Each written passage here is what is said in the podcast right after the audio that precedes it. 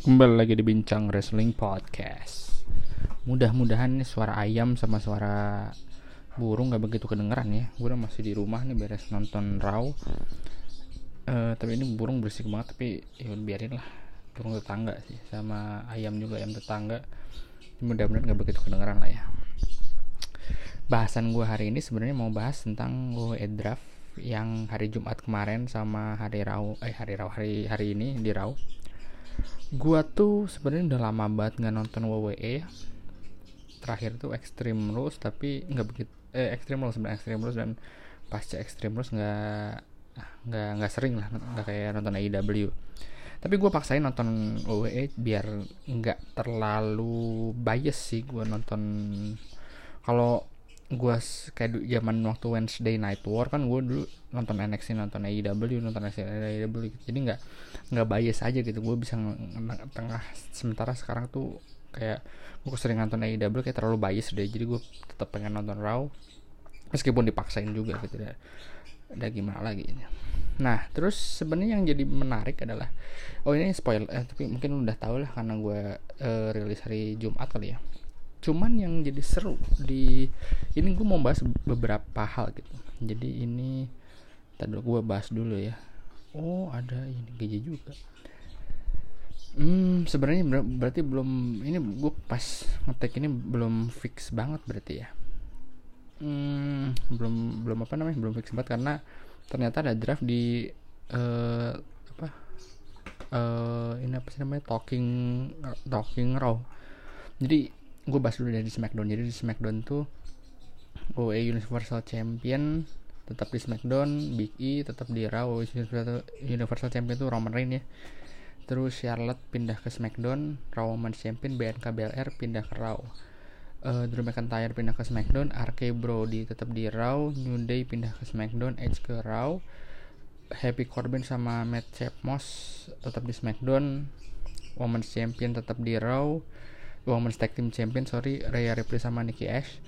Terus NXT Hit Row pindah ke SmackDown uh, Kit Lee tetap di Raw Naomi tetap di SmackDown Ray Dominic pindah ke Raw Jeff Hardy pindah ke SmackDown NXT Austin Theory pindah ke Raw. Terus nah terus itu pas draft di ini ya di di SmackDown gitu. Terus di Talking Smack ternyata lebih banyak lagi. Nah ya Jax tetap di Raw John Mox John Morrison tetap di Raw Reggie tetap di tetap di Raw, Arthur tetap di Raw, Drake Maverick tetap di Raw, Tibar tetap di Raw, Akira Tozawa tetap di Raw, Dudrop tetap di Raw, Zelena Vega ke SmackDown, Otis tetap di SmackDown, Chad Gable ke SmackDown, Apollo Crew tetap di SmackDown berarti ya, itu orang SmackDown, Commander Aziz tetap di SmackDown, Alayah pindah ke Alayah pindah ke NXT, Drew Gulak ke Raw, Mace tetap di Raw, Marcel tetap di Raw, Mustafa Ali tetap di Raw, Tony Storm tetap di SmackDown. Uh, nggak jelas ini. Terus di Raw ada Becky Lynch, uh, SmackDown Women's Champion pindah ke Raw. Ustos Usos tetap di SmackDown. Mobilasi tetap di Raw. Sasha Banks pin uh, oh Sasha Banks tetap di SmackDown. Seth Rollins pindah ke Raw. Nakamura tetap di SmackDown Damian, Pri Damian Priest tetap di Raw Sheamus pindah ke SmackDown. AJ Styles tetap di Raw Shayna Baszler pindah ke SmackDown. Uh, Kevin Owens pindah ke Raw Shia pindah ke SmackDown dari NXT Street Profit pindah ke Raw Viking Rider pindah ke SmackDown Finn Balor pindah ke Raw Ricochet pindah ke SmackDown. Karen Cross tetap di Raw Humberto Carlos and Angel Garza pindah ke SmackDown X Alexa Bliss di Raw Cesaro tetap di SmackDown Carmella pindah ke Raw Rich Holland pindah ke NXT dari SmackDown ke NXT Gable Stevenson pindah ke Raw Sami Zayn tetap di SmackDown.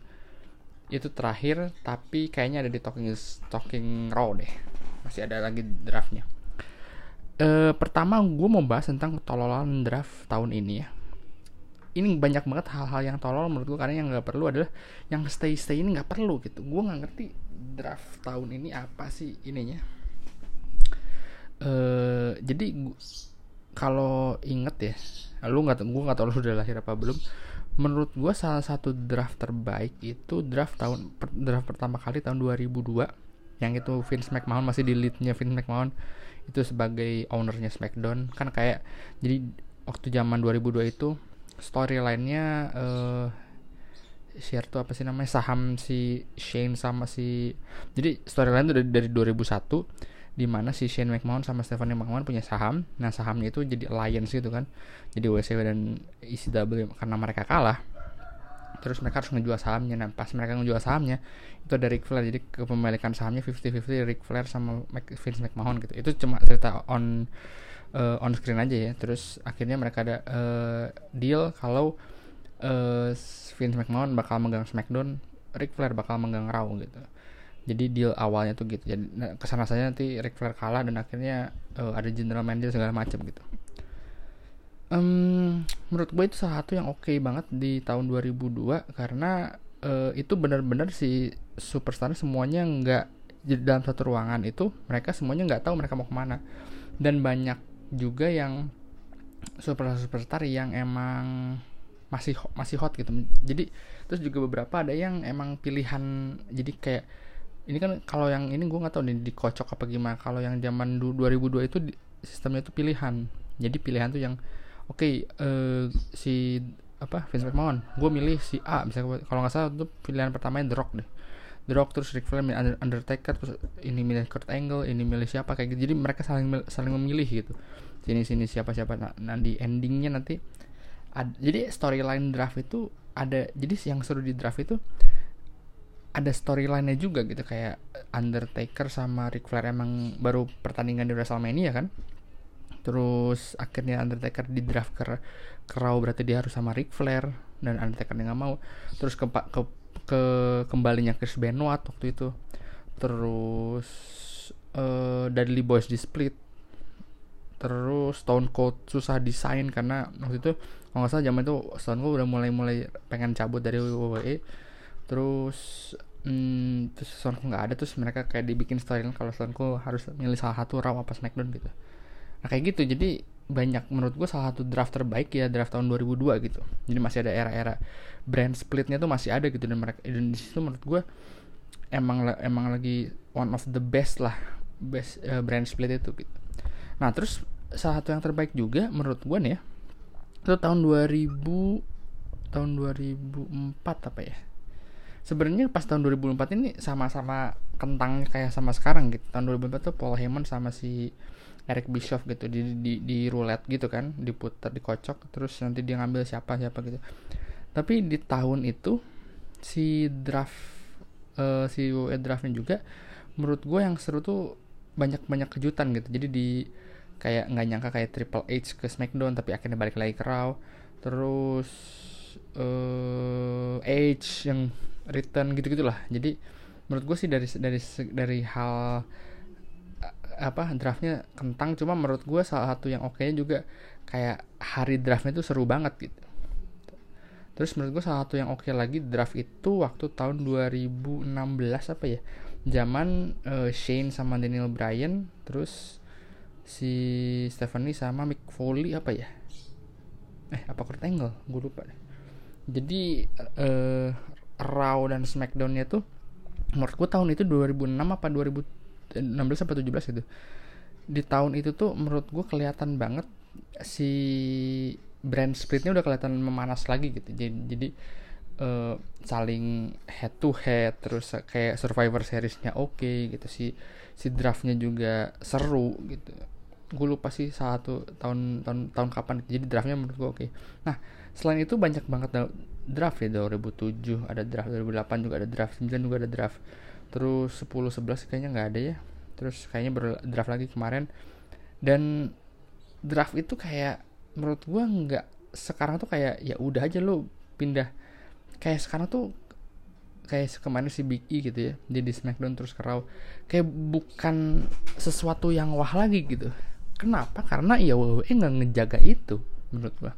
Sekarang tuh orang tuh lebih menunggu para mantan-mantan superstar WWE yang lagi hot-hot dipecat atau kontraknya habis ke AEW gitu. Itu yang di, lagi ditunggu orang sebenarnya sekarang. Karena juga WWE tidak sangat baik untuk menjaga si brand split ini gitu. Yang dia punya SmackDown dan Raw ya udah gitu. Mereka sama-sama WWE gitu. Coba menurut gua menurut gua salah satu paling brand split terbaik masanya itu tahun 2002 di mana itu 2002 sampai 2004 kali ya di mana itu bener-bener setiap bulannya itu Raw dan SmackDown punya event sendiri punya apa namanya pay per view sendiri dan, jadi mereka tuh jarang ke, jarang kelihatan jarang ketemu. Ya misalnya kayak sekarang lah ada New Day gitu. New Day kan masih berteman apa segala macam ya. Jadi mereka tuh nggak kelihatan kayak pindah brand dipisah brand gitu kayak wah gue pisah brand enggak oh gue baru inget sama tahun 2005 neng draft yang salah satu gue oke okay. karena di situ perpindahan antara Batista ke SmackDown dan John Cena ke Raw itu menurut gue salah satu karena gue waktu itu masih kecil ya dan gue juga suka suka banget sama Batista yang Batista pindah ke SmackDown tuh gue uh, sedih gitu anjing Batista kok ke SmackDown terus John Cena malah di Raw tapi menurut gue ada efek efek kayak gitunya gitu. efek uh, menjaga so, antara brand tuh ya antara dua brand Raw dan SmackDown tuh tetap terjaga yang mereka tuh ya dua brand yang berbeda gitu. But, dan dan di real di real life nya mungkin kayak Batista juga sempat gue lihat di dokumenter dia sempat berantem sama Booker T kan karena dia juga juga stresnya karena dia nggak nggak kenal orang-orang Smackdown gitu. Jadi bukan nggak kenal secara nggak kenal ya karena nggak begitu deket gitu. A akhirnya dia juga lama juga di Smackdown kan akhirnya dekat juga sama Rey Mysterio sama Booker T. Cuman pada zaman itu emang kesannya tuh emang emang di dalam iya apa WWE itu ada dua dua brand gitu ada Raw dan Smackdown dan itu yang saling menjaga dan Paul Heyman juga sempat cerita dia jadi pernah jadi kreatifnya Smackdown dan Smackdown ngalahin Raw Vince McMahon nggak suka. Nah ada sampai kayak gitu nya sekarang tuh nggak ada gitu nggak nggak ada lah. Um, kesel-kesel sama brand ya udah gitu gue pindah ke mana oh gue pindah ke Raw. Oke okay, sip. Uh, flight gue jadi gue nggak jadi nih trip ke Raw. Eh trip uh, di SmackDown. Oke okay, siapa yang gantiin gue si ah oke okay, sip gue jadinya harusnya ke Philadelphia gue ke Sacramento ya. Oh sip oke okay, oke okay, bye sip. Kayak gitu jadinya. Nggak ada yang nggak ada yang kayak ini karena WWE juga nggak ngejaga gitu. Menurut gue harusnya emang ini tuh dijaga banget tuh. Jadi kayak nggak tahu nggak tahu kenapa gue kayak raw ya raw gitu. Smackdown ya smackdown harusnya harusnya kayak gitu gitu. Yuk raw ya udah gitu. Lu lu orang-orang raw. Ini ada orang-orang smackdown ini ada orang-orang NXT gitu malah gue menurut gue tahun 2019 apa ya yang NXT lawan raw lawan smackdown menurut gue itu salah satu yang menurut gue sih sebenarnya lebih ke NXT lawan WWE ya daripada raw dan smackdown juga nggak nggak begitu kelihatan sih waktu itu. Tapi menurut gue yang gue tuh rindu gitu akan WWE tuh punya dan dari dulu sering gue bilang ya kenapa gue tuh sering bilang juga di podcast gue di YouTube gue bilang kalau WWE itu bakal bisa gitu ngalahin apa pun gitu. Kan dia tuh banyak banget cara dan banyak banget uh, source gitu untuk untuk tetap jadi di atas gitu. Tapi kalau source-nya itu nggak dipakai ya susah juga ya. Salah satu source-nya ya, ya ini dengan brand seperti ini harusnya di, bisa di, dibikin lebih sakral. Bisa aja dibikin lebih kayak misalnya gini kayak misalnya oke okay, AEW itu fokusnya apa sih? Misalnya kayak uh, sorry Dynamite lah Dynamite sama Rampage gitu kan. Fokusnya di pro wrestling sama uh, pro wrestling aja. Jadi nggak uh, ada segmen-segmen ngomong ya udah dipakai uh, suruh aja Smackdown langsung. Kan Smackdown sekarang ratingnya lebih, lebih tinggi daripada Raw ya. Ya udah fokusnya di situ jadi hardcore fans itu sih Smackdown buat hard, hardcore fans gitu nah di di Raw tuh lebih ke yang lebih besar uh, eh, marketnya tuh lebih besar anak-anak apa segala macam yang lebih kids lah. Bisa kayak gitu kan tapi sebenarnya enggak gitu se, se ya di trade-nya Raw dan SmackDown sama aja gitu. Ya produk WWE ya udah gitu-gitu aja gitu. Uh, openingnya dipakai buat uh, promo selama selama lamanya lah hanya mungkin 20 menit dipakai promo Roman Reigns tiap WWE gitu kan. Kalau ini promonya promo kayak tadi jadi Raw promonya Women's naninu naninu naninu main event nanti dia lagi gitu gitu jadi bosen nah, terus feudnya tuh itu lagi itu lagi selama berbulan-bulan itu terus jadi kan bosen gitu ya kayak Randy Orton sama Matt Rider lawan AJ Styles Omos gitu udah udah bosan banget gue kan. Nah menurut gue sih si draft ini tuh harusnya bisa jadi sesuatu event yang besar. Dan juga kayaknya kalau misalnya nggak ada draft juga lebih seru lagi gitu kayaknya. Dan gue juga sebenarnya suka banget sih kayak uh, general manager atau atau brand split lah. Jadi yang dikasih bener-bener GM-nya tuh yang dan kayak kemarin kan GM-nya uh, Shane atau Daniel Bryan menurut gue mereka berdua kurang ya atau Kurt Angle gitu. Mereka berdua tuh kayak ini Kurt Angle sama Daniel Bryan mendingan wrestle aja udah nggak usah jadi GM gitu. Menurut gue tuh yang orang-orang kayak hmm, Mike skillnya kayak siapa ya? Jadi bisa benar-benar jadi ya menurut gue kayak uh, Mark Henry lah sebenarnya. Kan Mark Henry sebenarnya pengen banget jadi, jadi orang belakang layar ya. Menurut gue kayak Mark Henry yang akhirnya ke AEW juga menurut gue dia bisa lah gitu. Ini banyak lah di WWE mungkin legend-legend yang udah nggak ini tapi jadi mau jadi uh, apa ngambil peran di ini juga bisa juga kan? Menurut gue kalau ke depannya nih WWE harus bisa nih. Jadi lebih biar lebih sakral biar jadi misalnya Roman yang di Raw terus si siapa namanya misalnya Drew McIntyre lah misalnya gitu ya. Drew McIntyre di SmackDown misalnya gitu. nah nanti kalau misalnya Drew McIntyre mau nantang Roman Reigns itu tuh harus build upnya kayak dulu zaman Goldberg sama Brock Lesnar tahun 2003 gitu. Di Survivor Series ketemu dulu nanti ketemu lagi di Royal Rumble. Jadi build upnya tuh lama berapa bulan jadi pas sampai WrestleMania tuh udah udah seru banget. Dan kita nggak nggak jadi kacang lihat mereka tiap di Raw ada Smackdown ada Raw ada. Tiap jadi kan bosen. Kayak zaman Goldberg sama uh, apa namanya? Sama si Brock Lesnar zaman tahun pertama meskipun matchnya kurang ya. Bagusan match yang tahun-tahun sekarang tahun 2017 itu. Tapi menurut gue ya build upnya tuh menurut gue lebih bagus gitu. Dari dari Survivor Series ketemu terus ketemu lagi Royal Rumble. Wah jadi cuma promo sedikit tapi enak gitu. Terus ketemu lagi No Way Out. Wah jadi seru gitu. Nah sekarang tuh kayak ya udah oh, gue pindah ke sini udah udah. Ah, nggak jelas jadinya menurut gue hmm, makanya menurut gue ke depannya nih oh itu harus bisa nih. Jadi ya gue siapa sih gue ngomong ini tapi ya setidaknya kali aja ada orang-orang gue denger kan. Kalau misalnya mereka ngebagusin lu bisa ngebagusin membuat sakral gitu Raw sama SmackDown lebih seru kan? Ngebuat sak apa sak mereka tuh lebih sakral aja gitu. Jadi kalau orang-orang SmackDown gitu anti ketemu Raw dan sebaliknya juga jadi lebih lebih keren gitu. Sekarang kan kayak ya udah gue pindah ke mana nih? Terus tiap tiap tiap tahun lagi brand split. Terus kadang-kadang ada tiba-tiba dia pindahin gitu kan nggak nggak jelas lah pokoknya. Menurut gue ini kayak ke depannya harus bisa lah si uh, WWE untuk men lebih mensakralkan si ininya si brand splitnya ya gitu dari gue sampai ketemu di episode bincang racing podcast berikutnya